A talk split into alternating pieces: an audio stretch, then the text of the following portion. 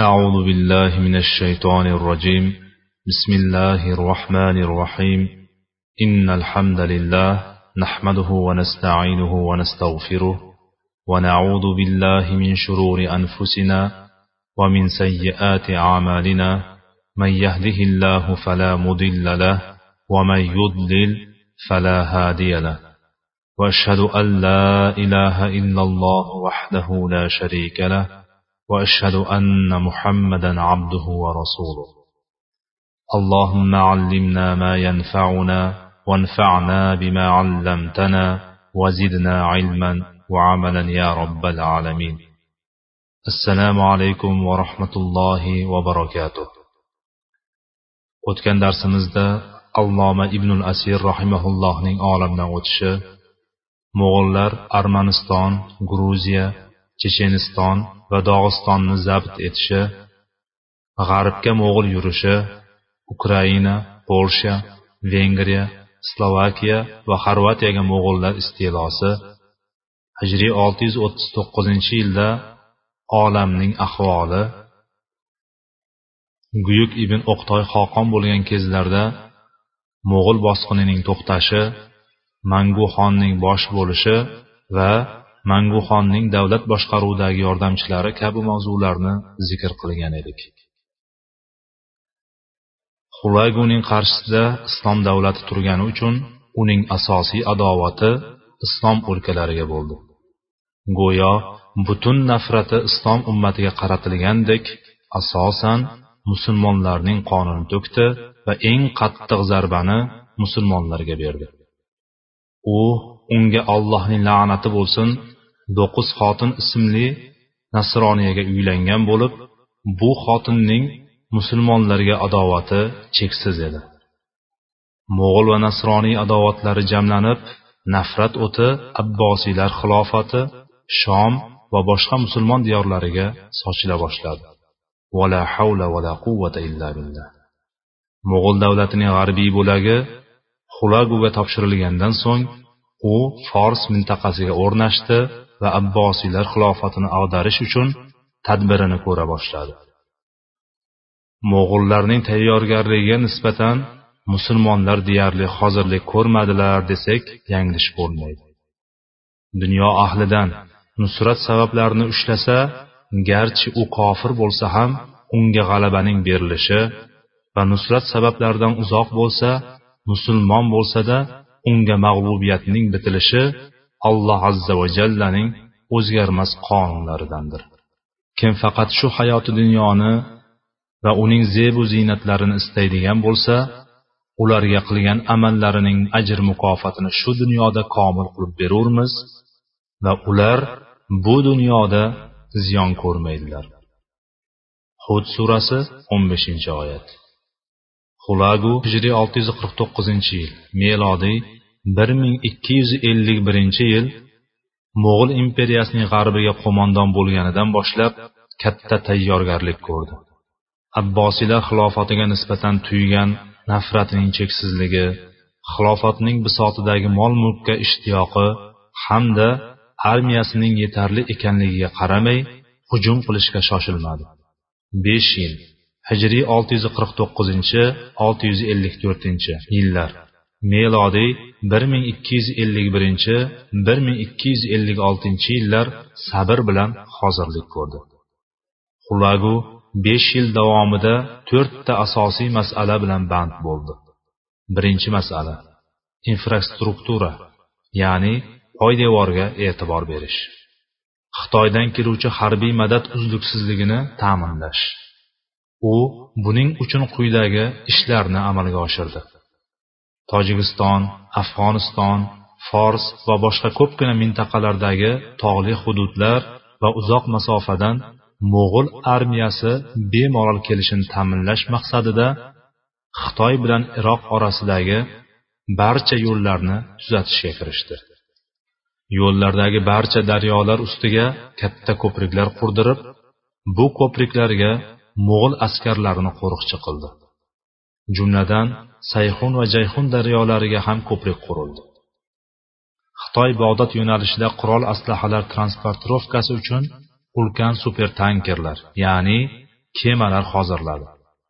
Xitoydan iroqqacha bo'lgan mintaqalardagi har bir shahar va markaziy joylarga qo'shimcha mo'g'ul harbiy kuchlarini yo'lladi. So'ngra juda ajablanarli ishga qo'l urdi. Buning asosida o'tkir zaqovat yotadi.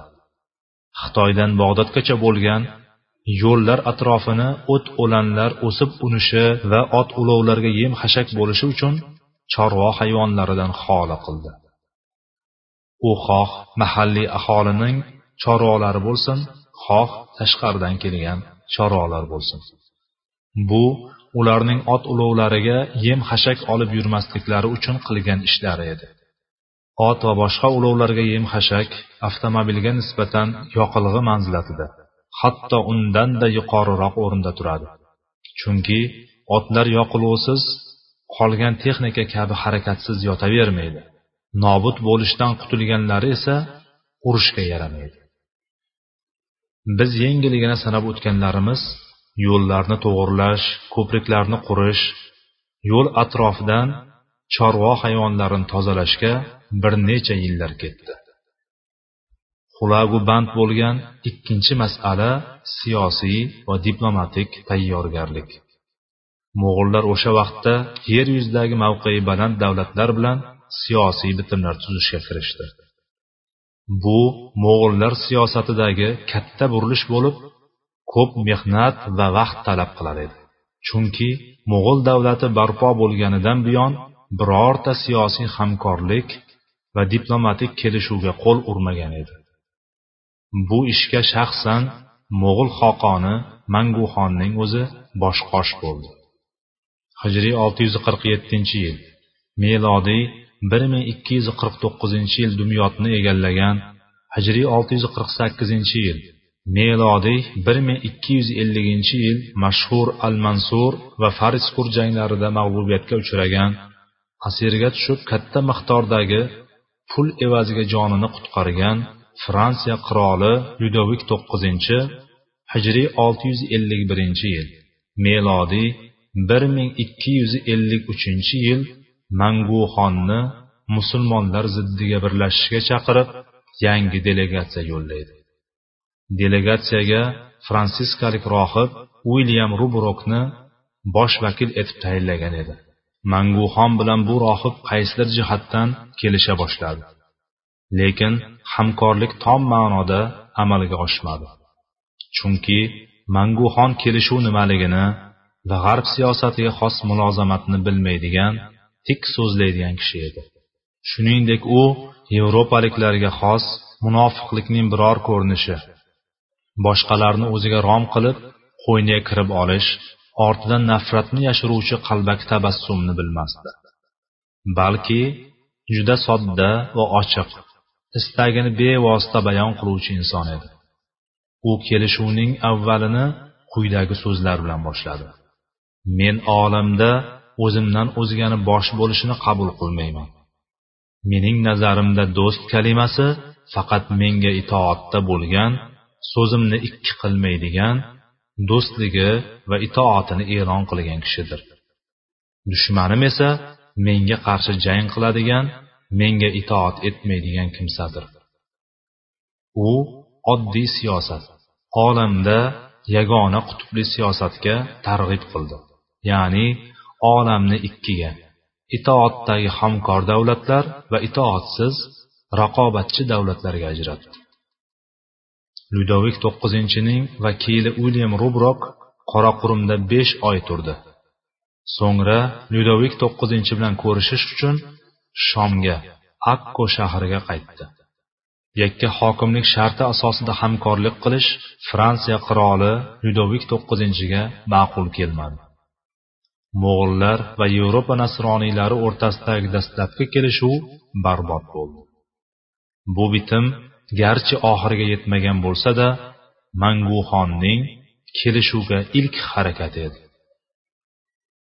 G'arbiy yevropa nasroniylari va podsholari manguxonga tobe bo'lish sharti bilan hamkorlik qilishni rad etishdi.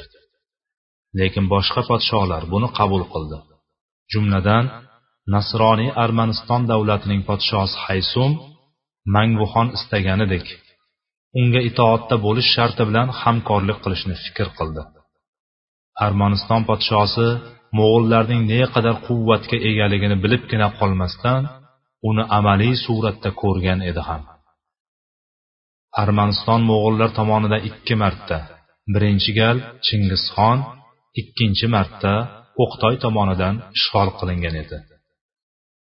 Shuningdek u davlatining kuchsizligi bahaybat mo'g'ul davlatiga umuman bas kela olmasligini yaxshi bilardi. Armanistonning yer maydoni o'ttiz ming kilometr kvadratdan ortmaydi. Ya'ni misr davlatining ikkita viloyaticha keladi. Ustiga ustak armaniston davlati bir tomondan mo'g'ullar boshqa tarafdan musulmonlar qurshovida edi. U mo'g'ullarga hozir itoat etmasa ertaga bunga majbur bo'ladi. Lekin unda ahvol boshqacha bo'lishi turgan gap. Mo'g'ullar iroq va armanistonga bostirib kirganda fursat qo'ldan ketgan va podsho mulkidan ajralgan bo'ladi. Bu fikrlar podsho haysumni yevropalik nasroniylar kabi delegatsiya jo'natmasdan shaxsan o'zi mo'g'ul poytaxti qoraqurumga manguxon bilan ko'rishish uchun borishga undadi deydi rog'ib sirjoniy. Doktor shofiq josirning xabar berishicha kichik armaniston podshosi haysum mo'g'ullar poytaxti qoraqurumga hijriy olti yuz qirq beshinchi olti yuz qirq oltinchi yillar melodiy bir ming ikki yuz qirq yetti bir ming ikki yuz qirq sakkizinchi yillar manguxonning huzuriga ukasi simbatni bosh qilib delegatsiya yuboradi. So'ngra mo'g'ul xoqoni bilan do'stlashmoqchi ekanini ta'kidlash maqsadida delegatsiyaning ortidan shaxsan o'zi mo'g'ul poytaxtiga yo'l oladi. Manguxonning nasroniylar bilan dastlabki bitimi amalga oshmaganidan g'azabnoq bo'lgan va shuning uchun siyosat yo'llari chiroyli so'zlarni ishlatishni o'rganishga kirishgan edi. Mo'g'ul xoni haysumni tantanavor mulozamat bilan rasmiy tarzda qarshiladi garchi bu podsho va xizmatkor muloqoti bo'lsa-da, uning hurmatini joyiga qo'yib, unga podshoga loyiq muomalani ko'rsatdi. U ikkisi ham qarshisida kim turganini yaxshi bilar, faqat siyosiy rasmiyatchilik yuzidan bir-birlariga mulozamat ko'rsatayotgan edilar. Armaniston podshosi sharafiga berilgan katta bazmdan so'ng Haysum o'zini manguxonning xizmatida ekanligini e'lon qildi. Manguxon esa unga porloq kelajak va'dasi va katta sovg'a salomlar inom qildi. Bu bilan u haysumning do'stligi va tobeligini sotib olgan edi. Manguxon unga falonni qilasan pismadonni bajarasan demay uning hurmatini joyiga qo'ydi va hadyalar berdi. Jumladan quyidagilarni ham berdi. Birinchi haysumning shaxsiy mulki omonligi. Bu narsa podsho uchun eng muhim ishlardan biri edi. Ikkinchi mamlakatdagi barcha cherkov va monastirlarni soliqdan ozod qildi. Holbuki mo'g'ullar hammaga soliqni barobar qilgan edi. Uchinchi armanlarga musulmon saljuqiylar tomonidan fath qilingan shaharlarni qaytarib olishlarida yordamchi bo'lishini va'da qildi. Armanlar va turkiyadagi saljuqiylar o'rtasida uzoq tarixlar sovuq urushlar bo'lib kelgani hammaga ayon. To'rtinchi. Manguxon armaniston podshosi haysumga g'arbiy osiyo ishlarida katta maslahatchi mansabini taqdim qildi. Mo'g'ul xoqonining nasroniy podshoga iltifoti zamirida bir necha sabablar bor edi. Birinchidan musulmonlarga urush qilishida armaniston podshosi malikasidan foydalanish zero armanlar va musulmonlar o'rtasidagi dushmanlik aloqalari anchagina qadimiy edi. Arman podshosi manguxonga musulmon o'lkalari va undagi shart sharoitlar xabarini oqizmay tomizmay aytib berdi. Bu esa islom o'lkalarining bosib olinishida yetakchi rol o'ynashi turgan gap edi. Ikkinchidan mo'g'ullar keng islom diyorlarini boshqarishda o'sha o'lkaning o'zidan yoki qo'shnisidan bo'lgan ayg'oqchilarga muhtoj edilar. Bu esa u mintaqadagi xalqlarning tilini topish imkonini berar edi. Uchinchidan mo'g'illarning bu qadami g'arbdagi nasroniylar bilan yangi kelishuvlar tuzishga qurilgan ko'prik edi. Chunki armanlar g'arblik nasroniylar kabi katolik e'tiqodida edi. Kelajakda armaniston podshosi mo'g'ullar va g'arbiy yevropa o'rtasidagi ishonchli vakil bo'lishi ehtimoldan xoli emasdi. Zotan mo'g'ullar bilan g'arbiy yevropa orasida qora kunlar yuz bergan va millionlarcha nasroniylar mo'g'ullar qilichidan o'tkazilgan edi. Manguxon abbosiylar xilofatini batamom yakson qilish ilinjida nasroniylar bilan aloqalarni tiklash orzusida bo'ldi. To'rtinchidan mo'g'ullar bilan armaniston mamlakati aloqalari va harbiy amaliyotlarning birlashishi musulmonlar ma'naviyatiga qattiq ta'sir qilishi turgan gap edi. Binobarin mo'g'ullar bilan jang qilish boshqa birlashgan kuchlarga qarshi jangga kirish butunlay boshqa narsadir. Birlashish kalimasining o'ziyoq insonlar ruhiyatiga o'zgacha ta'sir etadi. Shu sababdan birlashgan armiya deb nom qozonish maqsadida quvvatli davlatlar e'tiborga molik bo'lmagan davlatlar bilan hamkorlik qiladi.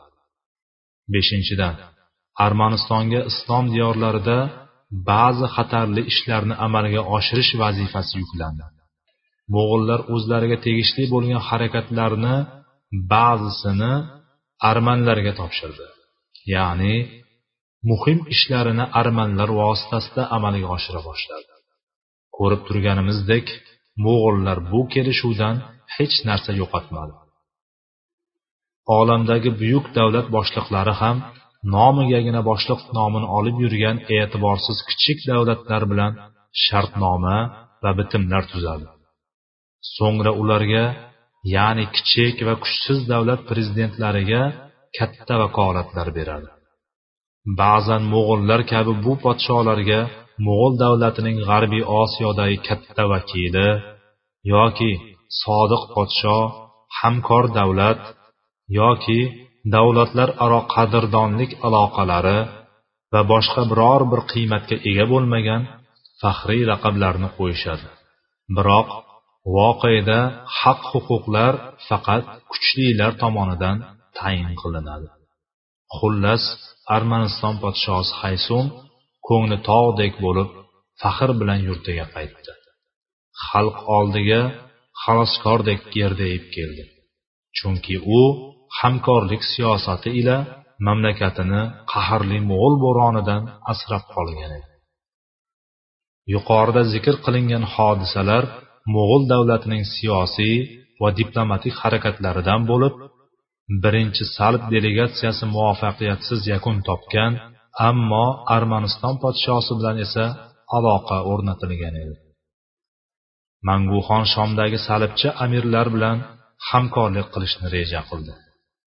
Shom va turkiya hududlarida jumladan antioxiya tarabulus sayda hayfa akko va boshqalarda katolik nasroniylarning amirlik va podsholiklari mavjud edi. Manguxon bu amirliklar bilan til biriktirishni istadi.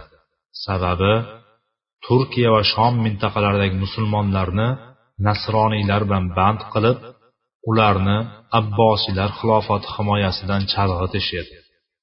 Shu sabab manguxon salib amirliklarini qitiqlab qo'yish va ularni oyoqqa turg'izish uchun armaniston amiri haysumni ular bilan ittifoqchilik tuzishga jo'natdi.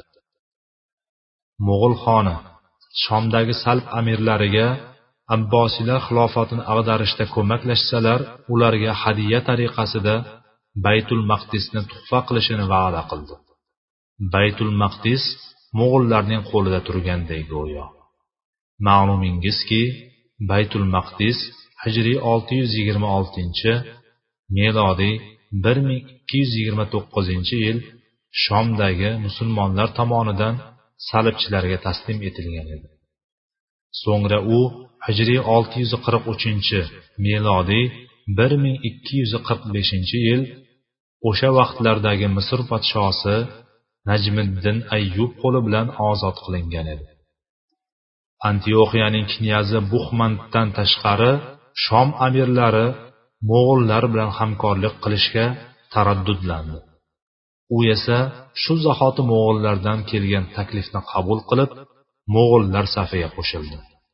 Qolgan amirlar esa ikki sabab bilan mo'g'ullar taklifiga rad javobini berishdi. Birinchi sabab mo'g'ullarning hech qanday ahdga vafo qilmasligi o'zlarini tekin sotib olinishi va arzimagan narsaga qurbon qilinishi mumkinligini bilganlari bo'lsa ikkinchi sabab ular o'zlarini musulmonlarning qalblarida dushman sifatida barhayotligi va mo'g'ullarning xatari bilan musulmonlarning xatari barobar yoki musulmonlarniki undan ham yaqinroqligini bilganlari sabab mo'g'ullar bilan hamkorlikni rad qildilar shuningdek ular mo'g'ullar va musulmonlar orasidagi jang nihoyasi ya'ni qaysi tomon g'olib bo'lishini kutishni va darhol g'olib tomonga qo'l cho'zishni fikr qildilar. Ular buni siyosat deb atadilar.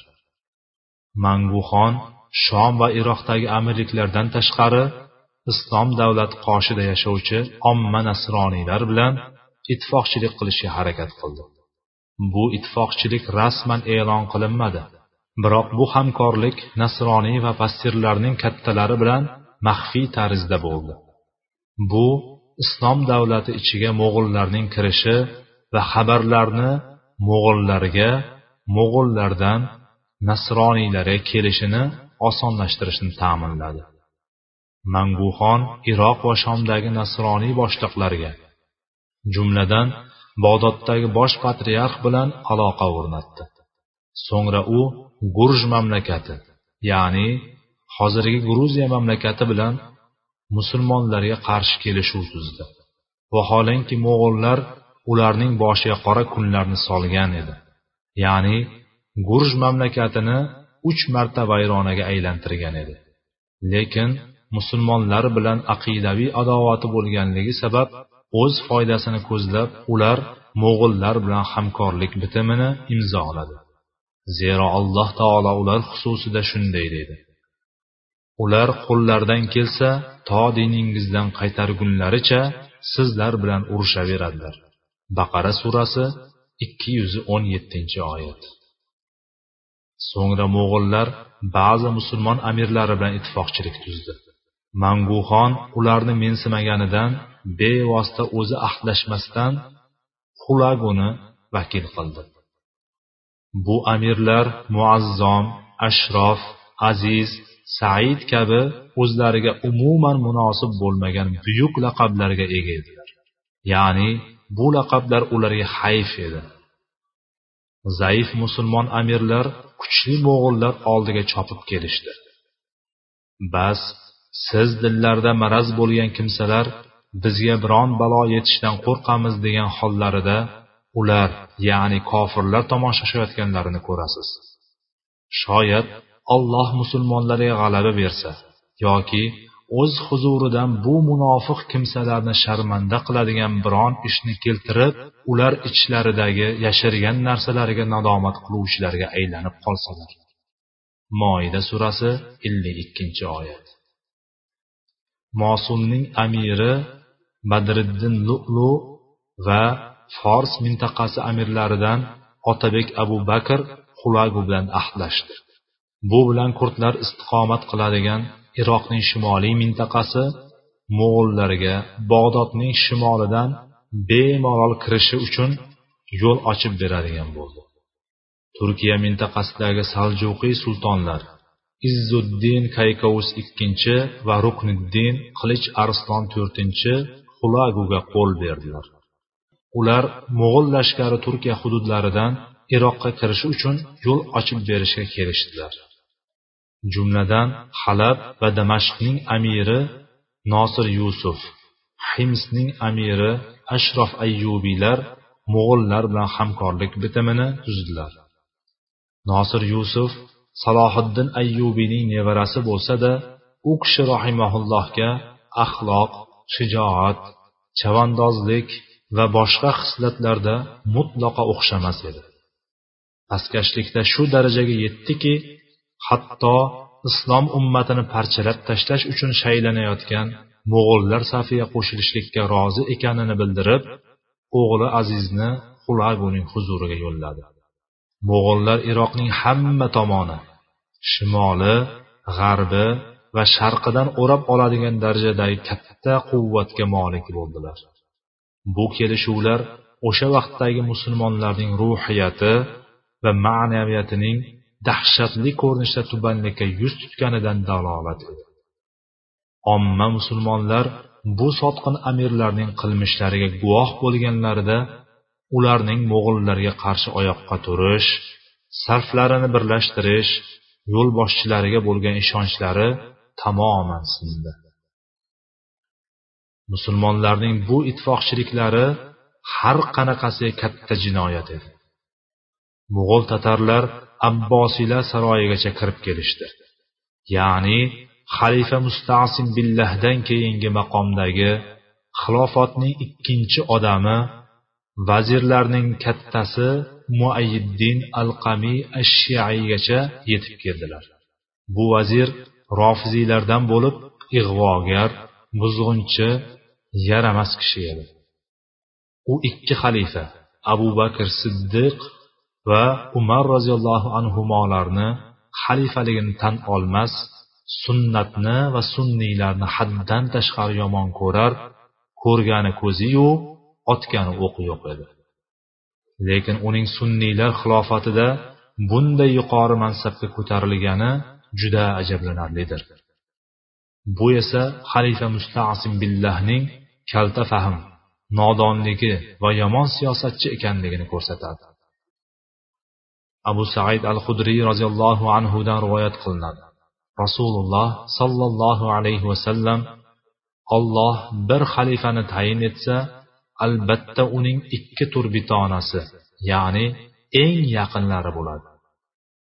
Ularning biri yaxshilikka buyurib unga dalolat qiladi. Ikkinchisi esa yomonlikka buyurib unga targ'ib qiladi dedilar. Buxoriy rivoyati yanada yomonrog'i bu fosit vazir bir ikki oy yoki bir ikki yil vazirlik qilmagani balki hijriy olti yuz qirq ikkinchi olti yuz ellik oltinchi yillar davomida o'n to'rt sana ya'ni xilofat ag'darilgunicha o'z maqomida turganidir. Ma'lumingizki xalifa mustasim billah hijriy olti yuz qirqinchi yilda taxtga o'tirgan undan ikki yil o'tar o'tmas bu kimsa vazir bo'lgan edi. Xulagu muayiddin alqamiyga bog'landi. Mo'g'ul qo'shinlarini bog'dodga osongina kirishida uning razil takliflaridan foydalanishga kelishdi. Xulagu bularning muqobiliga abbosiylar xilofati ag'darilgandan so'ng unga bog'dodning boshqaruv kursisini va'da qildi. Ko'rib turganimizdek razil bosh vazir mansabidan qo'shtirnoq ichida unumli foydalangan edi. Ushbular manguxon va xulaguning besh yilga cho'zilgan diplomatik va siyosiy xatti harakatlari edi. Nasroniylardan armaniston gruziya podsholari shomdagi birgina antioxiya amiri shom va iroqdagi omma nasroniylar bilan. Musulmonlardan ba'zi amirlar va xoin vazir muayyiddin al qamiy bilan ittifoqchilik aloqalari o'rnatilgan edi. Bundan so'ng mo'g'ullar nima qilishga qaror qildi? Xilofat va xalifani qanday kunlar kutib turibdi? bu kabi savollarga kelajak darslarimizda javob topamiz inshaalloh vallohu taala alam سبحانك اللهم وبحمدك واشهد ان لا اله الا انت استغفرك واتوب اليك واخر دعوانا ان الحمد لله رب العالمين وصلى الله تعالى على خير خلقه محمد وعلى آله وأصحابه أجمعين والسلام عليكم ورحمة الله وبركاته.